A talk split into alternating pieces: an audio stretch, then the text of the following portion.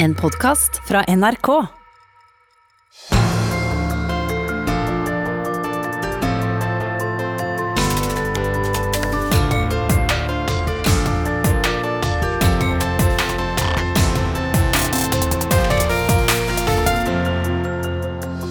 I disse dager er folk og land inne i den største omstillinga siden krigen.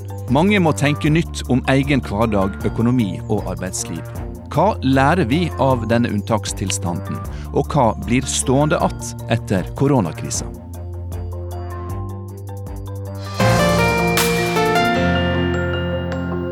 Ja, Velkommen til disse dager, aktualitetsprogrammet som vil gjøre deg litt klokere og litt mindre skråsikker i ei tid da det meste er usikkert. Jeg er på vei inn i en bakgård på Tøyen i Oslo, der eh, musikere uten oppdrag underholder de mange heimeværende i bygarden. Her står folk på balkongene og klapper ivrig.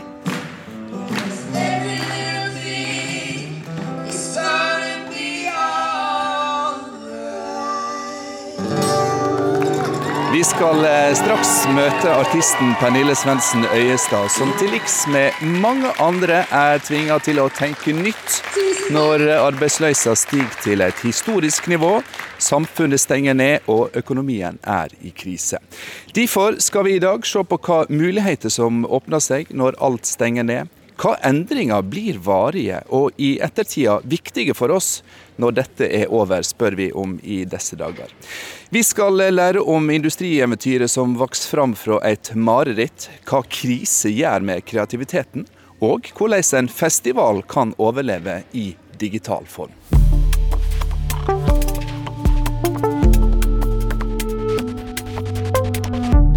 Ja, Velkommen til eh, disse dager, Pernille Svendsen Øyestad, og takk for en fin konsert. Så hyggelig. Takk for det. Hvorfor valgte du og bandet å spille her i eh, denne bakgården i dag? Jeg la ut en status på Oslo hjelper Oslo, som er veldig, en veldig fin Facebook-side for Oslo-boere i disse dager.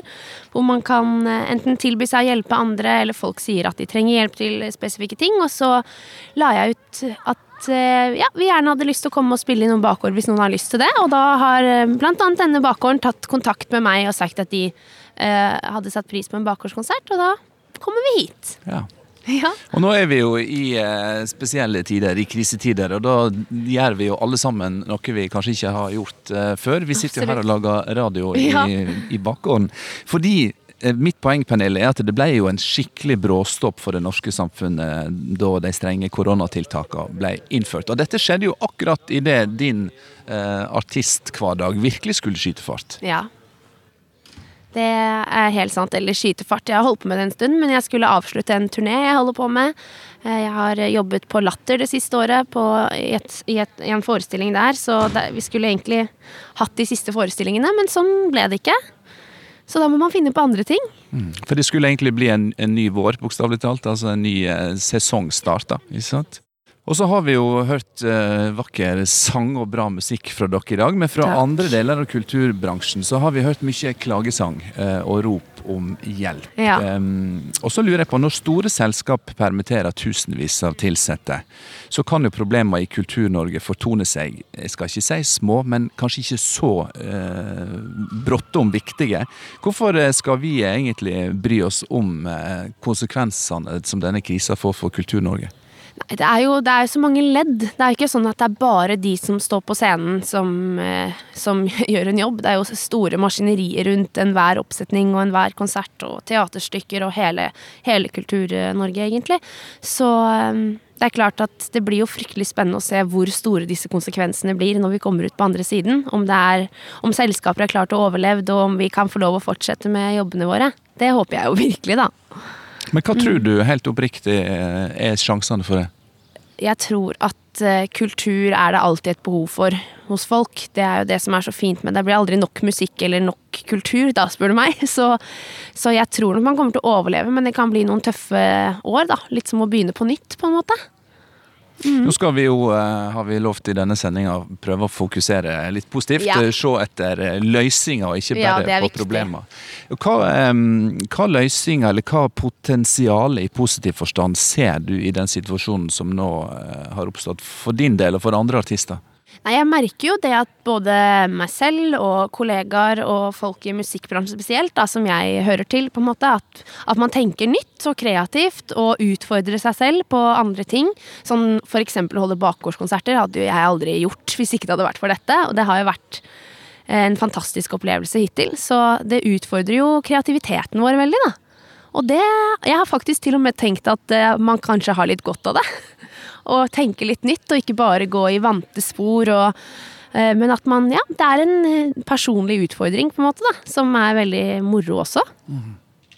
For du og bandet ditt uh, har i dag tatt uh, musikken ut til uh, folk der de er, på godt gammelt vis. Andre artister har fått ei ny digital scene å spille på, takket være strømming av konserter i sosiale medier. Velkommen, Filip Rosshaug. Du starta Facebook-gruppa Brakkesyke 2020, og har med ett blitt en av landets største konsertarrangører.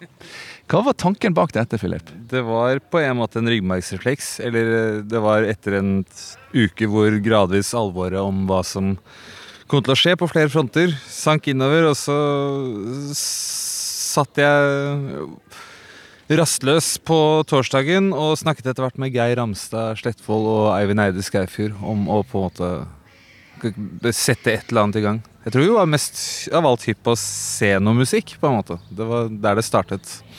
Så, så det var tanken. Det, og så har det kommet flere tanker etter hvert, men det var ikke så mange tanker bak i utgangspunktet.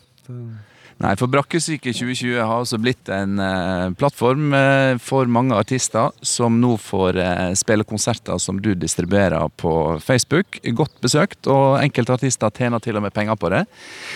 Men du sier Philip, at du er med på å endre musikkbransjen for alltid.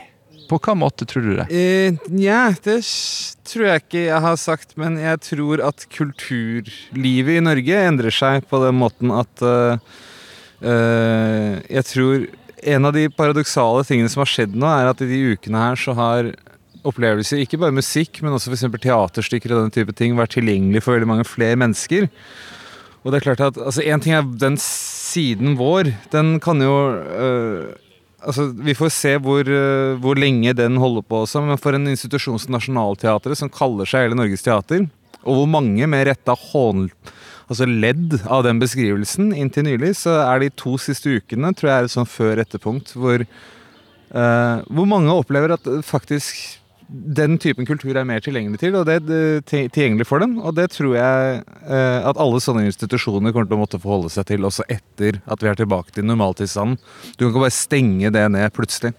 Men hvem tenker du, når du snakker om at det har blitt mer tilgjengelig, hvem tenker du da som har være, fått tilgang? Om, uh, det kan være snakk om uh, folk på steder hvor det ikke er så mye scener, eller hvor ikke si, Riksteatret eller Rikskonsertene kommer innom også.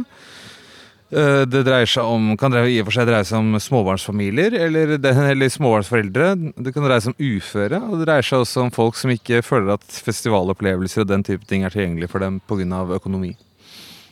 For eksempel. Så det er fire. Det er, det, det er mange former for utilgjengelighet tradisjonelt sett i norske kulturlivet, og jeg tror den diskusjonen hadde kommet eller var på vei nå uansett, pandemi eller ei. Fordi f.eks. For Festival-Norge er et veldig tydelig tegn på kulturelle klasseskiller, og det tror jeg ikke hadde holdt i lengden. Når vi bruker såpass mye penger på kultur i Norge. Vi skal snakke mer om eh, framtida for eh, Festival-Norge. Tilbake til deg, Pernille. Eh, når du hører Philip her, tenker du at eh, den krisa, som vi må kalle det, eh, tenker du at den faktisk kan gjøre kunst, kultur, musikk mer tilgjengelig og på en måte folkeliggjøre det, på et vis? Ja, absolutt. Det er jo Jeg sitter jo og hører på det Philip sier nå, og kjenner at uh, jeg syns det er utrolig kult. Og at det er jo ja, Som du sier, at, eh, at, kultur når ut til enda flere. Da. Det er jo ikke noe bedre enn det. Og som i alle situasjoner, så er det jo alltid noe positivt som kommer ut av selv en veldig negativ uh, situasjon. Uh, så ja, jeg har trua ja, på at det kan bli veldig bra. Det er fint. Jeg syns du skal holde på trua. Ja, må jo nesten det. Eh, takk så langt eh, til deg, Pernille. Vi skal snakke litt mer med deg eh, mot slutten av sendinga her fra bakgården på Tøyen i Oslo. Filip Rosshaug, du er jo et av de kreative hodene bak Facebook-gruppa Brakkesyke. Og du skal få være med videre når vi spør om så så mange festivaler kan overleve, f.eks. i digitalt format. For den tradisjonsrike Vossajazzfestivalen på Voss er avlyst. Og litteraturfestivalen på Lillehammer i mai kunne ha blitt det, om ikke arrangørene tenkte nytt.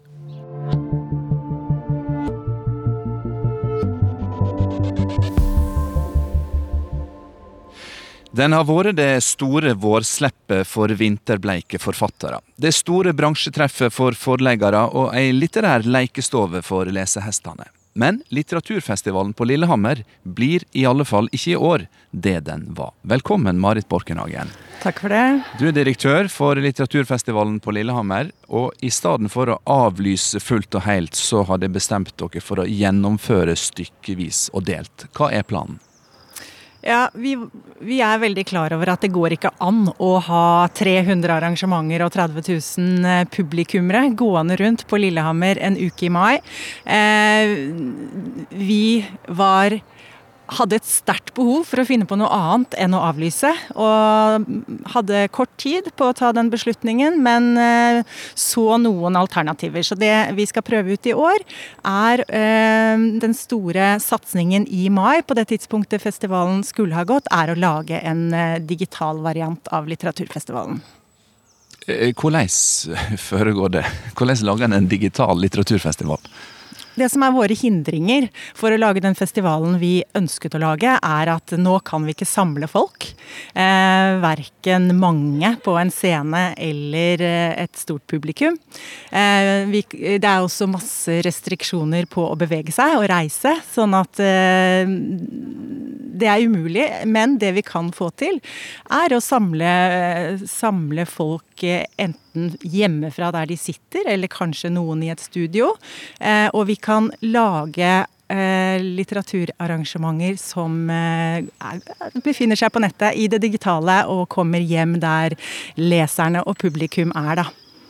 Men ligger det også en tanke bak dette at dere, som du sier, skal komme dit leserne er? Så kommer dere nærmere publikum? Så Det er jo ikke alle som uh, valfarter til litteraturfestivalen på Lillehammer hvert år, eller? Denne pandemien er jo en driver uten like.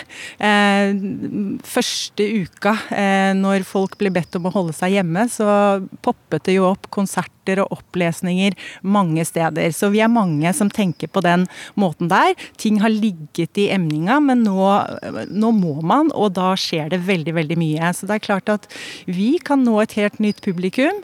Eh, vi kan eh, eksperimentere med arrangementsformer, og kanskje finner vi noe nytt og spennende på veien her. Philip Rosser, du er fremdeles med oss i bakgården her i Heimdalsgata på Tøyen i Oslo. Eh, med de erfaringene du nå har fra konserter på nett via Facebook-gruppa Brakkesyke, tenker du at det er en farbar vei for festivaler med sterkt overlevingsinstinkt å gå digitalt? Det blir ikke som ekte vare, på en måte. Iallfall altså, musikkmessig og den typen ting. Men jeg tror, jeg tror man er nødt, og det er mange grunner til det. For det første fordi det er altså, det å bryte den rekka tror jeg faller meget tungt for veldig mange som jobber med festivaler og den typen ting. Det i seg selv. Eh, men så er det også noe med at eh, altså For alle forfattere, artister som har liksom satset på altså noe nytt skal komme i år, investert kanskje flere hundre tusen kroner eller, eller flere år, de kan ikke sitte og vente til neste år. I så fall får vi et år hvor vi skal ha dobbelt opp med kulturopplevelser. Dobbelt så mange bøker, dobbelt så mange album og den typen ting. Vil i så fall skulle representeres på liksom festivaler i 2021, og det, det, kommer ikke til å skje. Så jeg tror både for festivalene selv og for de festivalene er til for, så tror jeg det er kanskje viktig, blir viktig i løpet av dette året, er å forsøke å ha en eller annen slags form for avvikling. Marit Borkenhagen, eh, det ligger jo i kulturens natur å få folk til å møtes både sjelelig og fysisk. Eh, når det fysiske møtet blir forbudt, hva står igjen da? Å lese er jo en ensom aktivitet i utgangspunktet. Eh, så de fleste av de som er interessert i vår festival, er vant til å forholde seg til den kunstformen på egen hånd. Og det er jo det vi ser nå, at behovet for kultur er minst like sterkt i en krisetid.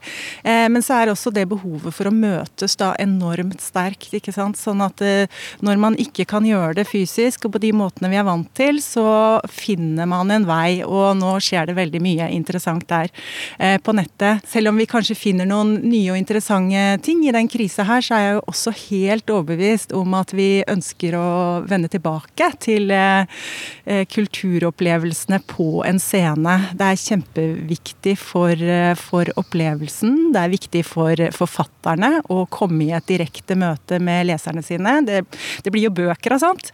Um, og det er også noe med de man møter møter rundt en sånn kulturopplevelse, det er de som hjelper deg å bringe det ut, bringe liv i, eh, i kunstverket ditt. Og det kan også være de som, som, sørger for at boka blir oppdaget, oversatt til et annet språk, kommer på en annen festival. Sånn at det er veldig mye av dynamikken skjer jo gjennom de der fysiske møtene. Mm. Hva sier forfatterne til deg når du forteller deg at de nå skal eh, møte sitt festivalpublikum på nett? Ja, det er jo selvfølgelig veldig eh, Eh, skummelt for forfatterne at uh, dette med arrangementet faller bort. Fordi det har blitt en viktig del av, av forfatterøkonomien de siste, siste, de siste årene. Uh, mange bruker mye tid på å reise rundt på turneer. Nå er det noen, noen, som tester ut å gjøre det digitalt. Så lager du kanskje tre videoer da, som kan ses av hele Norge er du ferdig med den turneen, og hvor, som egentlig kanskje var 30 arbeidsdager. Så det er noen utfordringer her. Hvordan skal man få for, en, for rettighetshaverne, da, for forfatterne og kunstnerne, musikerne, hvordan eh, kan man skape et levebrød? Ehm, men jo, eh, forfatterne har veldig lyst til å være med på digitalfestival også. Filip Rosshaug, musikkbransjen er jo for lengst eh, digitalisert. Strømmetjenestene har tatt over eh, for platesalget. Og så sier du at eh, det som dere tester ut nå på Brakkesyke med direktestrømming av konserter, det er nok ikke bærekraftig for artistbransjen, og det er ikke alle som egner seg der. Kommer vi til å se en, en, en todeling i musikkbransjen der noen slår igjennom i digital versjon fra kjøkkenet sitt? Jeg vet ikke, jeg vet ikke om det er to todeling, men jeg tror nok, altså, jeg tror nok det finnes visse typer musikere og visse band og sånn som har eh, Som kommer til å bli mer engasjert av liksom den måten å formidle musikk på, da. Og som, og, og som finner ut at det er en, eh, en måte å formidle sin sin musikk på og sin personlighet som fungerer bra. Om, jeg tror, ja, Men sånn har det vært allerede. Altså, det, er, det finnes allerede folk som har liksom slått gjennom på Eller gjort hvor, hvor, det å legge ut ting på enten det er YouTube eller Twitch eller Facebook eller hva enn, er eh, en sentral, um, en sentral del av de de er. Akkurat som det er artister tidligere som har vært kjempeflinke på musikkvideoer, f.eks. Så jeg tror ikke det, det slår meg ikke som noe veldig nytt. Men det som er nytt nå, er jo at veldig mange er nødt til å forholde seg til det på en gang. Også de som til det vanlige ville ville vært eh, folk som helt fint bare kan holde seg til en scene. De er nå nødt, eller ikke nødvendigvis nødt, men veldig mange av dem ser seg nødt til å, å sitte og titte inn i laptop-kameraet sitt, eller uh, hva enn det er. Mm. Vi skal snart uh, dykke ned i uh, framtidsutsiktene for næringslivet, men før vi forlater kulturlivet, Philip Rosshaug, hvis du skal plukke fram én ting da, som, eh, av positiv art som denne krisa gjør med musikkbransjen, hva vil det være? Det, det jeg kommer på her og nå, er det, det jeg snakker om, uh, eller snakket om tidligere med tilgjengelighet av kulturopplevelser, som jeg tror at hvis, hvis, dette er der vi er i seks måneder eller ni måneder eller 18 måneder eller hva nå enn det blir fremover, uh, så kan vi ikke snakke om altså dette, Det man eventuelt holder på med på nett, kan ikke bare betraktes som krisetiltak. Da kommer vi til å bli lei av oss selv, og andre kommer til å bli lei av oss. og Det, altså, det er ikke det går ikke an å holde på sånn, så jeg tror liksom jo før man begynner å se det kunstnerisk og kulturelt interessante i det som Ok, la, da, Nå lærer vi noen veldig riktignok dyrekjøpte lekser om, eh, om, tilgjengelighet av kultur. Og, det, og en del andre ting. Og det er nå noe man kan sette tenna i og holde på med i ni måneder. f.eks. Marit Borkenhagen, eh, som direktør for litteraturfestivalen på Lillehammer, så representerer du en, særdeles analog bransje. Eh, hva tenker du den ene positive tingen som vil stå igjen etter dette, er for eh, litteraturbransjen? Jeg er vel enig med, med Philip at dette er en eh, mulighet til å nå ut bredere, nå ut til flere. Det er jo mange som leser bøker som ikke går på arrangementer f.eks. Og så er det jo mange som kan like å se en forfatter eh, i en uh, liten film man kommer over på nettet, som ikke leser bøker. sånn at dette kan jo, hvis man klarer å gjøre ting bra, så kan det oppstå en god dynamikk i det. Eh, ja, noe annet som jeg tror kommer til å stå igjen etter denne krisa, det gjelder ikke bare kultur, det eh, gjelder hele samfunnet. Det er jo eh, Vi kan ikke reise nå, og det ser vi jo effekter av, som er positive. Så i forhold til et klimaperspektiv så er det mange ting å dvele over i disse månedene. Mm. Marit Borkenhagen, tusen takk for at du eh, kom hit til bakgården på Tøyen og var med i disse dager som direktør for litteraturfestivalen på Lillehammer, som altså nå gjør en digital vri med årets festival. Takk også til Philip Rosshaug, som eh, var mannen som kom på ideen om Facebook-gruppa Brakkesyke 2020.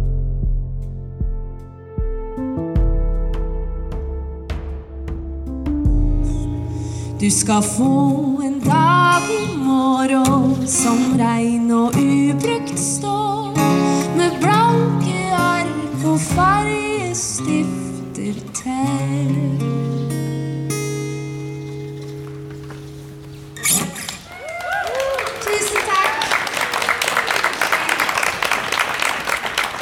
Ja, musikken og kulturen gir oss verdier, som vi hører. Men hva med den delen av samfunnet som skaper verdiene i økonomisk forstand? Når store bedrifter permitterer tusenvis i slengen, og køene av arbeidsledige blir lengre og lengre, hva endringer skaper dette for ettertida? Vi skal si velkommen til Halvor Melum, som er professor i samfunnsøkonomi ved Universitetet i Oslo.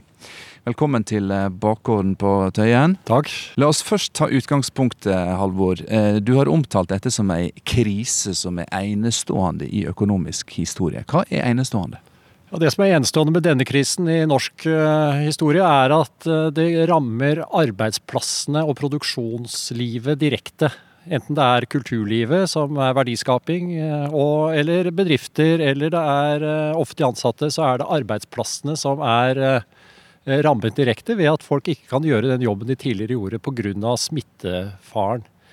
Det har vært andre kriser tidligere. Det er ting som eh, starter i eh, finansnæringen f.eks. Eller det var noen børs, noen verdipapirer som ikke var så mye verdt som man trodde osv. Eller det var noen regnskaper som ikke gikk opp, for å ta noen nyere opphav til noen kriser. Men nå er det arbeidsplassene selv som er rammet, og det får ringvirkninger utover i økonomien. Mm. Ja, for Nå snakker du om finanskrisa for drøye ti år siden, i 2008-2009. Kan vi kalle det for en slags teoretisk krise, mens vi nå står i en veldig praktisk krise? Ja, det er i hvert fall en uh, krise som har sitt opphav i, uh, i hva skal vi si, i, uh, i økonomiens bakenforliggende maskineri. Det var finanskrisen. Nå er det økonomien og verdiskapingen selv som blir rammet. Eh, så det er som hvis du har en bil, så er eh, finanskrisen var at coilen hadde en liten defekt, men at bilen for så vidt var kurant. Nå er det nå er det, harker det absolutt overalt i bilen, fordi at det er eh, dens evne til å levere, økonomiens evne til å levere produkter og verdiskaping som er rammet. Ja. Vi skal jo i dag prøve å lete etter lyset i, i, mørket. Vi skal komme tilbake til det. Men bare for å fortsette litt om finanskrisa for drøyt ti år siden. Da var det jo mye snakk om hvor, eh, hva ansvar vi som borgere hadde for å være med å stimulere økonomien. Fortsette å reise, fortsette å kjøpe, handle, forbruke for å få hjula til å gå rundt. Nå er jo ikke det mulig. Nei, det, Under finanskrisen så var det ikke slik at folk mistet jobben som en konsekvens første dagen av finanskrisen, men det var at uh, næringslivet stoppet opp pga. at rentene var høye. og Da var det to ting som ble gjort. Det var å hjelpe næringslivet med å få lavere renter. og Det handlet om å gi svære beløp til banknæringen, direkte og indirekte. Og så handlet det om at ikke privat sektor og husholdningene skulle miste motet oppi dette her. Bare holde motet oppe, fortsette å leve som før. Det var de to elementene til håndteringen av finanskrisen. Eh, forhindre eh, panikk og angst i husholdningene, samtidig som det andre ble ordnet med i finansnæringen. Nå er det ikke mulig, som du sier, å få husholdningene til å fortsette å kjøpe, for det er ikke noe å kjøpe, og de har mistet jobben. Så begge deler gjør jo at økonomien stopper opp. Det er De varene som de tidligere kjøpte, en del av dem er ikke tilgjengelige. Eh, og i tillegg så er det mange som har mistet jobben i bedrifter som leverte disse varene. Det er bedrifter som er avhengig av innsatsvarer fra andre bedrifter som har stoppet opp. Det er bedrifter som jobber på måter som er slik at de smitter hverandre mens de jobber, osv. Så, videre, og så, så det er eh, nesten ingen bransje som er upåvirket av dette, og ingen bransje hvor arbeidslivet går så normalt. Og mange blir jo oppsagt av den ene eller den andre eller den tredje grunnen. Eh, direkte mange, men også indirekte pga. at mange har mistet jobben og ikke kjøper varer som de ellers ville ha kjøpt. Nå har vi jo malt opp et, eh, et eh, nokså dystert og stort bilde. Og da er jo tida inne for å stille spørsmålet hva endringer skaper denne krisa, gjerne positive og varige endringer vi i ettertid har bruk for. Da spør jeg Magne Lerøe, nå må du ta fram den mest optimistiske delen av deg, redaktør i ukeavisen Ledelse og Dagens Perspektiv. Det meste er usikkert, men er det råd å få øye på noe? Noe som helst som i alle fall er sikkert og visst? Ingenting er så galt at det ikke er godt for noe. Altså, En krise stimulerer jo til kreativitet. Det har vi nettopp hørt. Ikke sant? Disse musikerne her, de er jo en eksempel på de som på en måte ikke kan la være å være kreative og konstruktive. De må formidle. Og vi har heldigvis mye skaperkraft i samfunnet. Og den skaperkraften den kan få ny næring nettopp i krisen. Så når vi kommer oss gjennom krisen, så kan det hende vi har fått med oss noe positivt som vi kan bygge videre på. Ja, Men hva positivt kan det tenkes at vi har med oss, da? Altså, kultur, Vi var jo inne på det tidligere i programmet her, at kulturlivet kan på visse områder få en, få en fornyelse. Eh, det kan tenkes altså, det er mulig dette her er rent teoretisk et lite håp, men det kan tenkes at en del av de som har kommet seg gjennom denne krisen, blir litt endra. Blitt så å si takknemlige og villige til å investere mer for å hjelpe næringslivet opp. Vi er jo avhengig av det.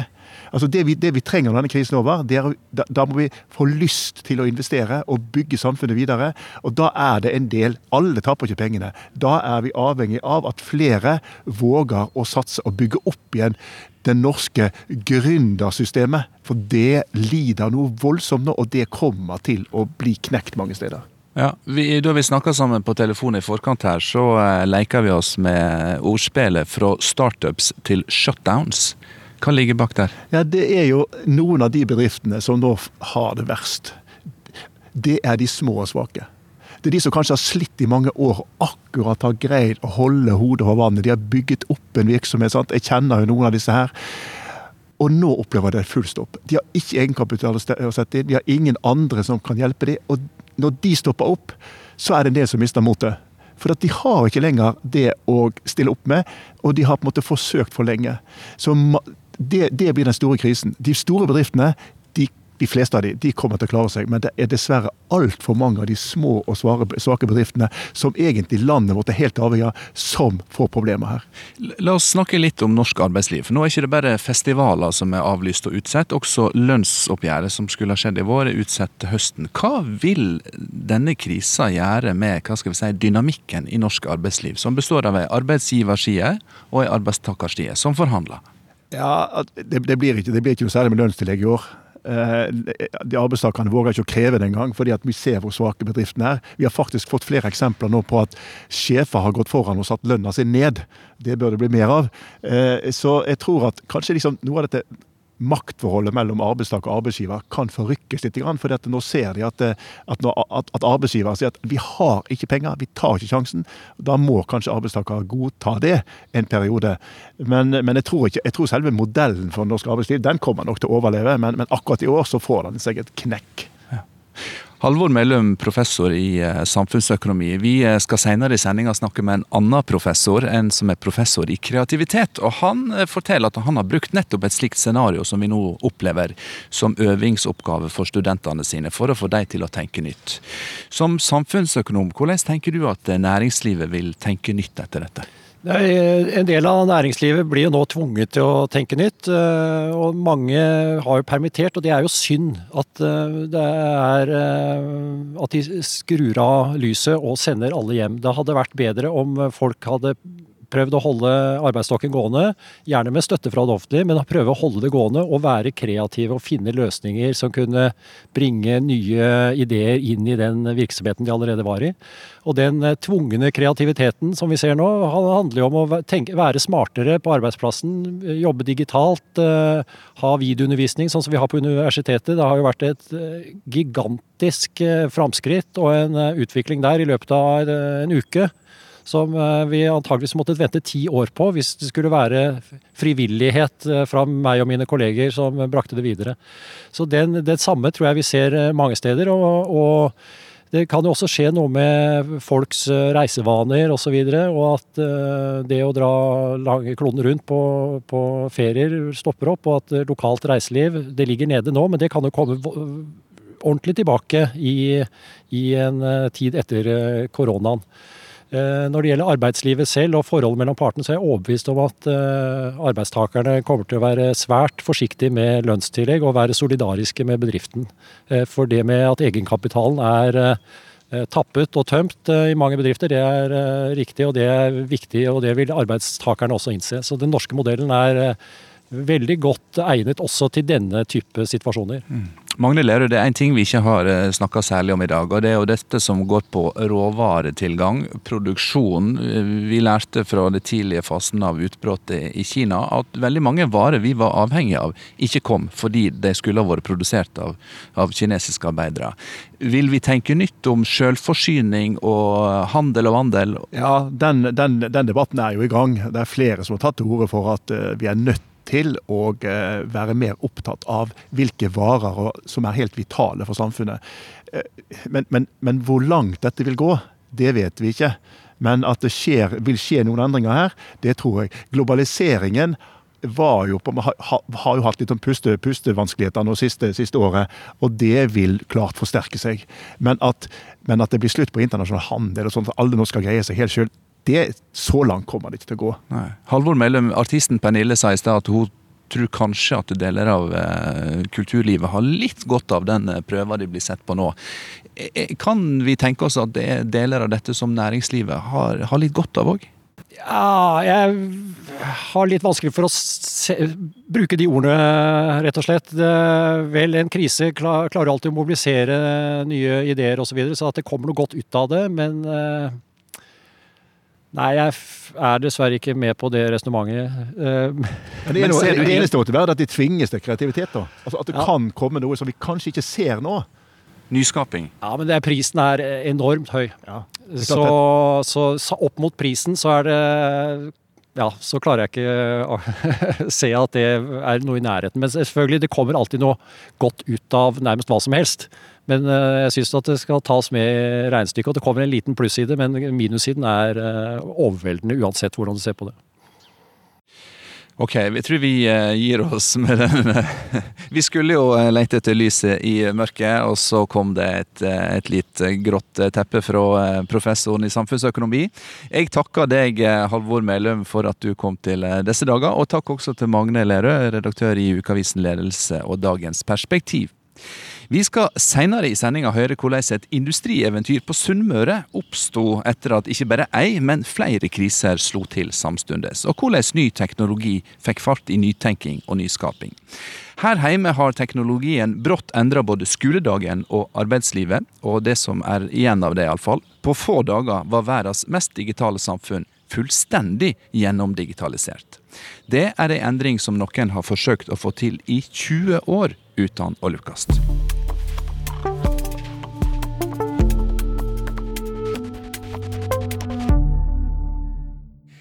Om vi nå ser bort fra tap av liv og helse, konkurser og arbeidsløse, er det noe av det som skjer nå i pandemiens kjølvann som vil gi varige og positive endringer. Jeg tar inn eh, Jan Kjetil Arnulf, professor i organisasjonspsykologi ved Handelshøgskolen BI. Fordi du har sagt at det er noe av det nå som skjer oppi all tristessa som det er grunn til å applaudere for. Hva er det du klapper for, Jan Kjetil Arnulf? Jeg er helt sikker på at vi har eh, endelig begynt å få til det der med virtuelle møter og hjemmekontor og alle de tingene som gjør at vi ikke er nødt til å bevege oss fysisk hele tiden. Dette har du og folk i bransjen prøvd å få til i 20 år, sier du. Hvorfor har det vært så vanskelig? Det er, det er flere grunner til det, men vi kan si det sånn at når, hvis vi begynner den andre, andre, veien, så er det sånn at mennesker er veldig glad i å møtes. fordi det gjør at vi får større tillit til hverandre. Vi liker å se andre, vi liker egentlig at de andre er til stede som samtalepartnere. Hvis de ikke er det, så opplever vi det som kunstig eller endog litt sånn ubehagelig, kanskje skremmende. Det som holder på å skje nå, er at nå blir vi nødt til å bruke disse verktøyene. og da vet vi at Jo mer du bruker dem, jo mer kommer du til å bruke dem. Altså En vane er noe som består av noe du gjør ofte. Så eh, Nå sitter vi alle sammen og møter hverandre og holder på, og oppdager liksom hele tiden hvordan vi kan integrere de andre og få beholde tilliten, beholde kontakten og måter å bruke disse her teknologiene på som gjør at vi er bekvemme med det. La oss gå litt dypere inn i det. for Hva er fordelene med virtuelle eh, møter, eh, hvis vi ser bort fra det rent økonomiske som gjelder besparing med reiser og hotell og møterom og slike ting? Hva har samfunnet å tjene på dette? Eh, den enkleste svaret på det akkurat nå er at vi sparer fryktelig mye energi. Det å transportere mennesker rundt, og jeg har jo vært vant til å jobbe i mange land og på mange steder, og, og har vi har prøvd å innføre videoteknologi og, og, og, prøve å redusere reisingen ganske mye. Det tar reising tar på fysisk, det tar på psykisk. Vi vet at den verste belastningen, den hyppigste belastningen som arbeidstakere skriver om, er jo den daglige reisen til og fra jobb. Um, og så alt mulig, da, fra et stort CO2-regnskap og ned til daglige, det daglige stresset å være utsatt for Østfoldbanen. Gud fri og bevare oss. Alt dette her har vi nå muligheten til å styre unna uh, uten å få dårlig samvittighet. Men du, la oss se på ei annen krise noen tiår tilbake i tid. Oljekrisa på tidlig 70-tall, eh, som gjorde at folk eh, fikk beskjed om å ikke kjøre bil. Eh, far min måtte søke lensmann om løyve for å få lov til å hente meg hjem fra fødestova. Men det har jo vist seg at det ble ikke mindre bilkjøring eller mindre oljeforbruk av den krisa. Er det grunn til å tro at pandemien nå kommer til å føre til varige endringer? Jeg tror det fører til varige endringer, men du har et veldig godt poeng. og det er at Endringene blir ikke alltid sånn som vi tenker det. Altså, det er veldig ofte sånn at systemer forandrer seg på helt uforutsette måter. Altså, det vi gjorde med oljekrisen i 1973, var at vi klarte å få en mye bedre eh, logistikk for fordelingen av olje i verden. Man klarte å dra ned prisen på oljeproduksjon. og så eh, plutselig så det man endte opp med, var jo en, en mye mindre politisk eh, avhengig oljetilførsel, som gjorde at alle kunne fly, og du fikk billigselskaper og alt mulig rart. ikke sant? Sånn at det er ikke så lett å spå, og spesielt ikke om fremtiden. Men jeg tror at når det gjelder akkurat disse her digitale møtene som vi holder på med nå, så har vi visst om at de har kunnet komme ganske lenge. Og jeg tror at veldig mye av det vi holder på med nå, handler om vaner mer enn det handler om noe annet. Hvis vi ser til Kina eksempel, så er det sånn at eh, det kinesiske samfunnet har bare de årene jeg har jobba her, så har de gått fra å være et eh, veldig fysisk eh, samfunn med stort energiforbruk til å bli et veldig veldig digitalt samfunn med veldig mye digital handel, veldig mye hjemlevering på dørene og et, et, et cashløst samfunn. Så du ser jo at den vanligste forklaringen på atferd her i verden er at hvis du har gjort det før, så gjør du det en gang til. Og når vi begynner å få i gang vaner med ting, så vil vanene opprettholde seg selv. Eh, det er et ganske mektig prinsipp for å endre på folks atferd. Det er bare å komme i gang med en vane, så etter hvert så blir det vanskelig å forestille seg at du ikke skal gjøre det. Men etter å ha jobba fra eh, heimekontor eh, litt for lenge, syns jeg, så eh, er jo jeg antageligvis en av veldig mange som savner kollegaene mine og savner fellesskapet på kontoret. Um, og jeg håper jo sånn sett ikke at dette blir en vane for min del. Ligger ikke det i menneskets natur å være så sosial og um, hva skal jeg si, avhengig av fysiske møter, at, at, dette vil også måtte flate ut? Jo da, det gjør det. Og, og det, vi har jo sett på dette her i, i utdanning f.eks. Jeg driver mye med lederutdanning. Eh, og Det har vært en svær diskusjon fram og tilbake. Skal vi møtes, skal vi gjøre det digitalt? Hvor mye skal vi gjøre det digitalt? Men jeg tror ikke, altså det fysiske møtet har jo ikke gått av moten av mange årsaker. Men har, jeg tror vi har fått en annen valgfrihet, og det er bra. Altså Hvis man kan opprettholde valgfriheten, så kan man kanskje leve et mer balansert liv på nettet. Vi kan jo se f.eks. når det gjelder utdanning, så har folk sagt ofte nei, folk ledere de vil komme og drive lederutvikling i klasserommet. Det er helt sikkert sant på noen områder, for noen typer aktiviteter. Men vi ser jo det at eh, den yngre generasjonen for eksempel, de går rundt med en skjerm hele tiden og laster ned den ene podkasten eller det ene programmet etter den andre og hører på og utdanner seg nå kontinuerlig. Og jeg tror at Folk blir mye mer selektive, men når skal vi da møtes, og hvorfor skal vi møtes? Og Det finnes så utrolig mye der ute på nettet. Det ville være utrolig naivt å tro at ikke det som vi nå opplever som nettbaserte ressurser, at de kommer til å konkurrere ganske kraftig med oppmøtet, og at folk blir mer selektive når det gjelder, eh, gjelder oppmøtet, selve det fysiske oppmøtet. Ja, for da lurer jeg på om vi i alle fall kan håpe at skal vi si, kvaliteten på de fysiske møtene på arbeidsplassen blir bedre? Ja, det, jeg tror det. Eller motsatt, faktisk. Altså at, eh, for det kan like gjerne være å si at når vi først skal møtes, så vil jeg slå ut håret og ha det litt gøy. Noe av det som gjør at vi lengter til å komme tilbake igjen på jobben, er jo den at du kan ta en ekstra piruett rundt kaffemaskinen og svippe unnom eh, hun som sitter på kontoret borti hjørnet der. og Den der litt fri utfoldelsen og litt mer spontane. for det er klart at den digitale møteformen den gjør det hele mye mindre spontant. Og du får et problem med tillit til begge veier. Sånn at eh, jeg tenker at eh, En av de tingene som vi kan kanskje slå et slag for, er at det, en av grunnene til at vi møtes, er for faktisk å ha det litt gøy.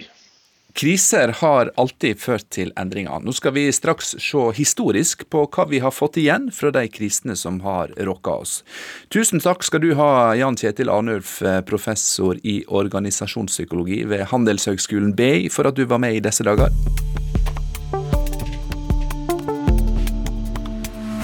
Mange må nå tenke helt nytt om eh, egen økonomi og arbeidsliv.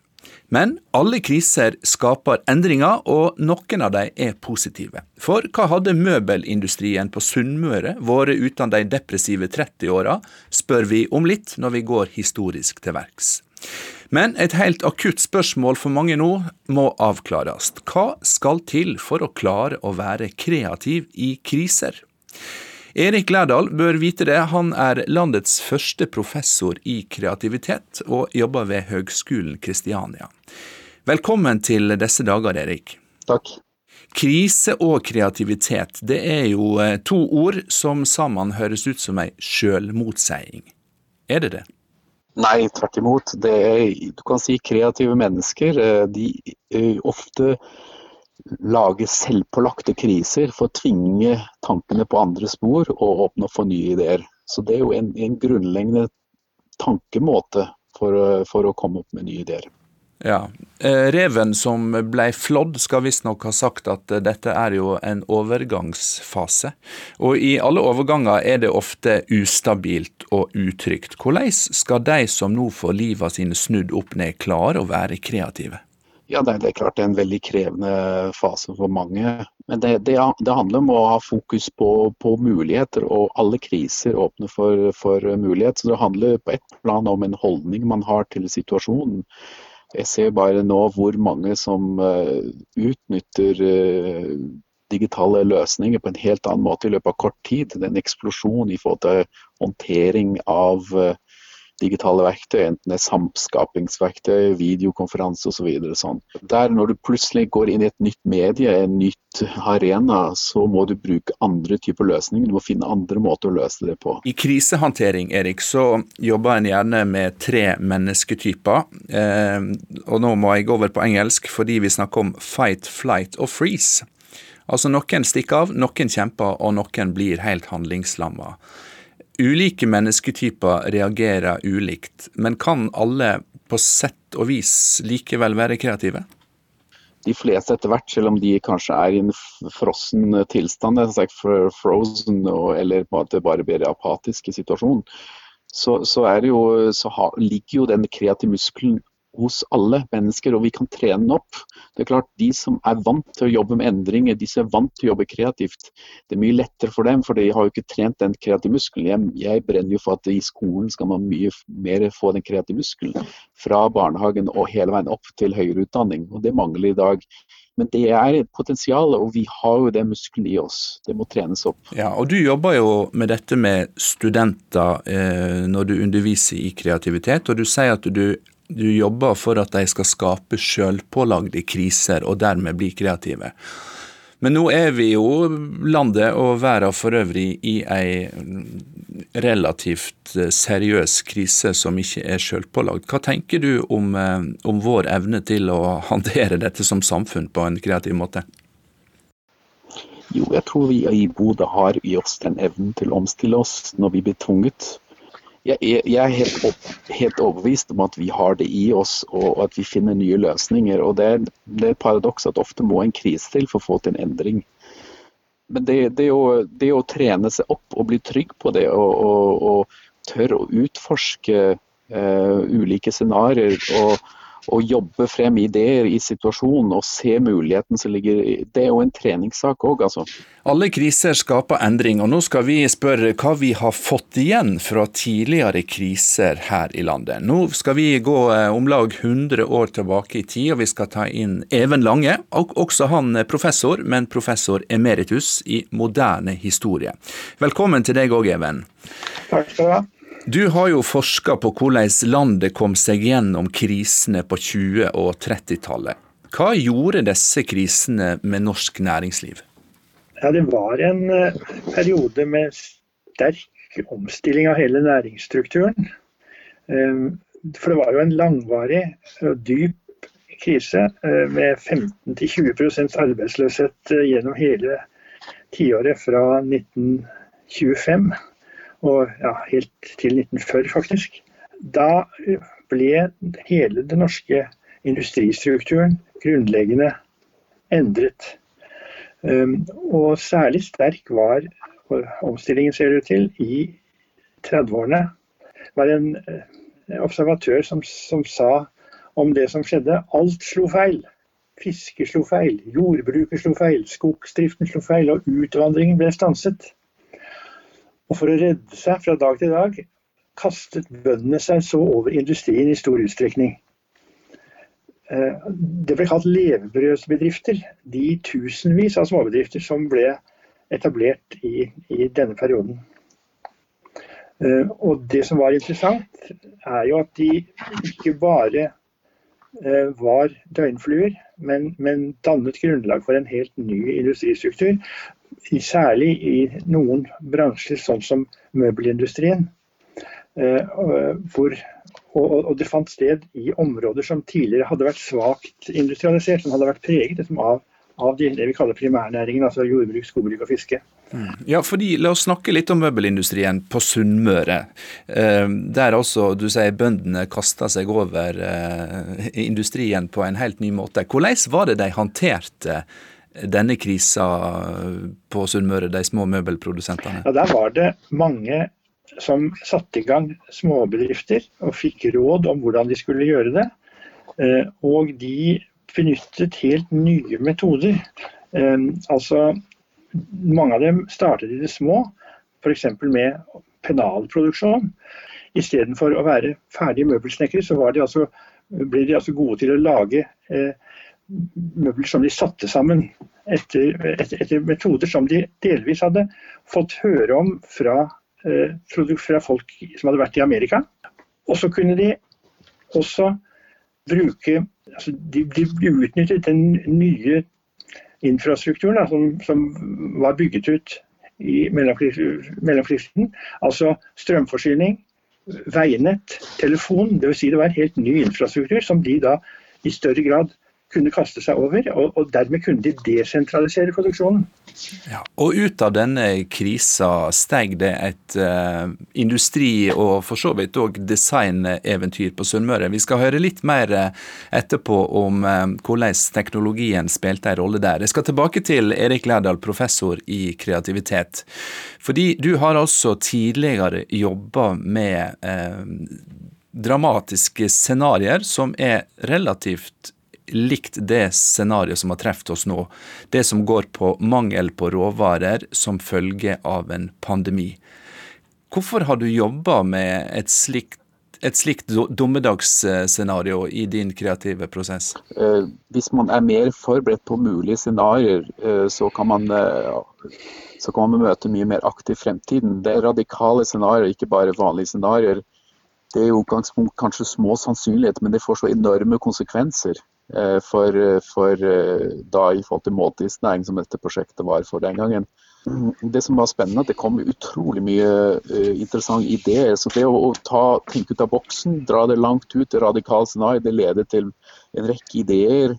Det gjorde at store aktører som Tine, Stabburet og alt sånt tok i bruk noe av disse scenarioene i sitt strategiske arbeid. Så det å krisemaksimere er også en måte å være kreativ på? Ja, absolutt. Når du jobber med et radikalt scenario, la oss si f.eks. for, for mangel for råvarer, uh, så, så, må du jo tenke helt annen måte å få matforsyning, mat selvforsyning internt i, i, i Norge. Og, og, og en annen måte å produsere mat på. Og når du begynner å tenke i de banene, så dukker det opp masse nye spennende konsepter på matproduksjon. Som du ikke har tenkt på ellers. Er det ikke også grunn til å tro at en del av de hva skal vi si, kreative tiltakene vi nå ser og blir begeistra for, er noe som vil gå over når krisa er over? Ja, Det er et veldig interessant spørsmål. Jeg tror det er klart at Vi er jo litt bedagelige og når ting faller fort tilbake til viss grad til normalen. Samtidig tror jeg definitivt at uh, når folk opplever f.eks. alle disse digitale verktøy, hvordan det gjør med samhandling, at du kan få til ganske god samhandling. Jeg har nettopp hatt uh, en uh, 25 studenter i 3,5 timer undervist med video, og hvor bra det fungerer. Det vil jo brukes etterpå. Du får en atferdsendring hos brukerne som du ellers ikke hadde fått hvis ikke krisen var der. Vi går tilbake til møbelindustrien på Sunnmøre for 100 år siden, som altså kom seg ut av ei djup krise og ble til et norsk industrieventyr. Even Lange, professor emeritus i moderne historie. Eh, du var inne på det tidligere, hva rolle ny teknologi spilte. Var teknologien der allerede, eller ble det også oppfunnet ny teknologi som en del av denne krisehåndteringa? Nei, I stor grad så dreide det seg om å ta i bruk eh, teknologi som var eh, ferdig utviklet, eller i hvert fall nesten ferdig utviklet, tilpasse den til de lokale forholdene. Det viktigste var altså at man tok i bruk et helt sett av teknologi, kanskje på samme måte som vi nå ser at man har tatt i bruk eh, digitale verktøy.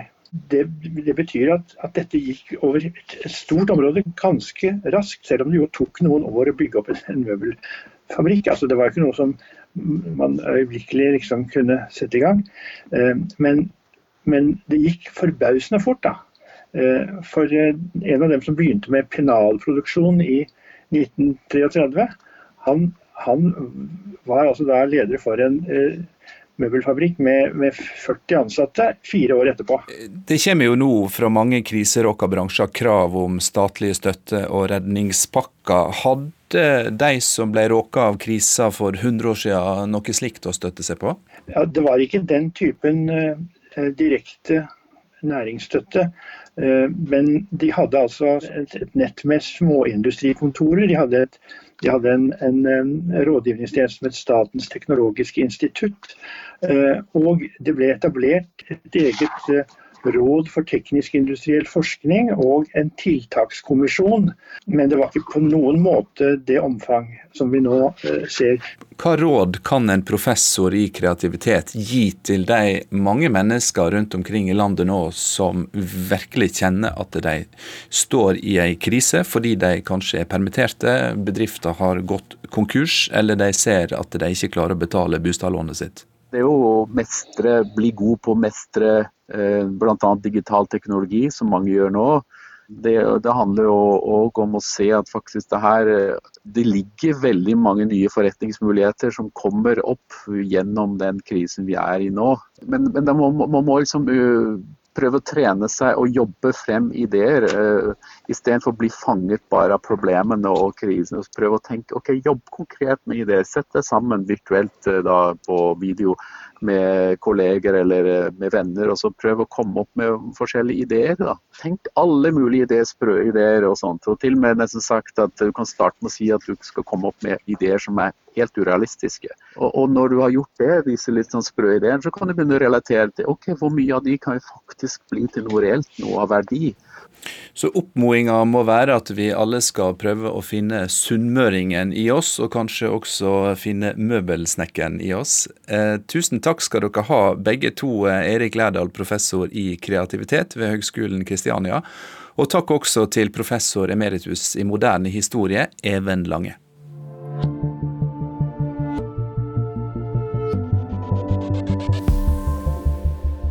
Sjøl når det ser som mørkest ut, så har historien vist oss at eh, noe også endrer seg til det positive, men at det krever en evne til å ikke la seg lamme, men å tenke kreativt. Og gjerne smått i starten, slik som bøndene på Sunnmøre som starta møbelproduksjon. Her i bakgården i Heimdalsgata i Oslo, i det gamle arbeiderklassestrøket som inspirerte Rudolf Nilsen til å skildre arbeiderklassen på starten av 1900-tallet i diktet nummer 13 sitter vi på historisk grunn. Pernille Svendsen Øyestad, mm. artisten som akkurat hadde konsert her i bakgården. Du sa tidligere til meg, Pernille, at du på mange måter hadde våkna nettopp fra et koronasjokk. Mm. Eh, nå har vi hørt at det kan både gå bra, og det mm. kan gå over. Eh, mm. hvordan ser du som eh, artist på året som ligger framfor? Nei, jeg tenker at eh, det lureste vi gjør nå, er å ikke på en måte overtenke og leve litt dag for dag, og gripe de mulighetene vi har dag for dag. Og hvis jeg skal tenke for mye frem i tid, så tror jeg også kan bli litt lammet. At det kan drepe kreativiteten litt, hvis man blir for redd eller for bekymret. Eh, det er viktig å sove om natten og holde hodet kaldt, så det tror jeg blir min strategi, da. Å bare ikke tenke for altfor langt fram, da. Pernille Svendsen Øyestad, tusen takk for at vi fikk være med deg på konsert. Tusen og takk for takk at du var med i disse dager. Takk for at dere kom og hørte på. Det var veldig stas. Du, lykke til videre på bakgårdsturneen. Eh, disse dager går mot eh, slutten. Eh, de som var ansvarlig for dagens sending, var Hellige Marie Thorsdatter Svensson og Jakob Ødmann som teknisk ansvarlige. Linn Helene Løken var reporter. Marte Romtveit produsent. Håkon Haugsbø, programlederen her på benken i bakgården, takker for følget, sier lykke til til folk og land og på gjenhør om ei uke.